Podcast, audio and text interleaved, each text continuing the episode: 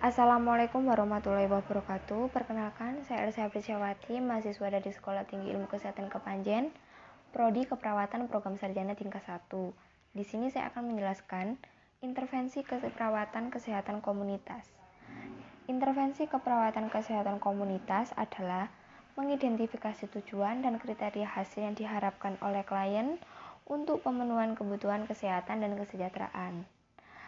Nah, pentingnya menetapkan outcome atau hasil yang diharapkan.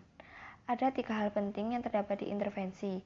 Yang pertama yaitu perumusan tujuan, yang kedua perumusan rencana evaluasi, dan yang ketiga perumusan rencana tindakan. Tujuan intervensi kesehatan komunitas itu sendiri ada dua, yaitu tujuan jangka panjang, lebih menyelesaikan kemasalah atau problem, Sedangkan tujuan jangka pendek lebih berorientasi pada perubahan perilaku seperti keterampilan, sikap, dan pengetahuan. Contoh kasus intervensi kesehatan komunitas di lingkungan sekitar yaitu kurangnya pengetahuan lansia tentang kesehatan. Dengan kasus tersebut, saya mengambil diagnosa yaitu coping komunitas tidak efektif. Coping komunitas tidak efektif itu sendiri adalah pola adaptasi aktivitas komunitas, dan penyelesaian masalah yang tidak memuaskan untuk memenuhi tuntunan atau kebutuhan masyarakat. Penyebab itu sendiri yaitu ketidakadekuatan sumber daya dalam pemecahan masalah, yang kedua ketidakcukupan sumber daya masyarakat seperti istirahat, rekreasi, dan dukungan sosial.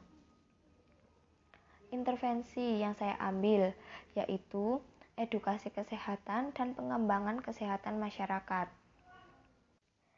Edukasi kesehatan adalah mengajarkan pengelola faktor resiko penyakit dan perilaku hidup bersih serta sehat.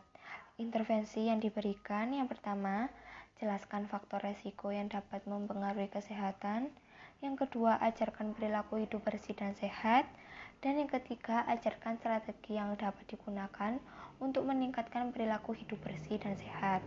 Dan yang kedua yaitu pengembangan kesehatan masyarakat adalah memfasilitasi anggota kelompok atau masyarakat untuk mengidentifikasi isu kesehatan komunitas dan mengimplementasikan solusi yang ada. Intervensi yang diberikan yang pertama, identifikasi masalah atau isu kesehatan prioritasnya. Dan yang kedua, identifikasi potensi atau unset dalam masyarakat terkait isu yang dihadapi. Implementasi yang saya berikan, yang pertama, edukasi kesehatan. Implementasi yang saya berikan yaitu menjelaskan faktor risiko yang dapat mempengaruhi kesehatan masyarakat. Yang kedua, mengajarkan perilaku hidup bersih dan sehat kepada masyarakat. Yang ketiga, mengajarkan strategi yang dapat digunakan untuk meningkatkan perilaku hidup bersih dan sehat di lingkungan masyarakat. Yang kedua yaitu pengembangan masyarakat. Implementasi yang saya berikan, yang pertama, mengidentifikasi masalah atau isu kesehatan dan prioritas masyarakat. Yang kedua, mengidentifikasi potensi atau aset dalam masyarakat terkait isu yang dihadapinya. Mungkin sekian itu dari saya yang bisa saya sampaikan.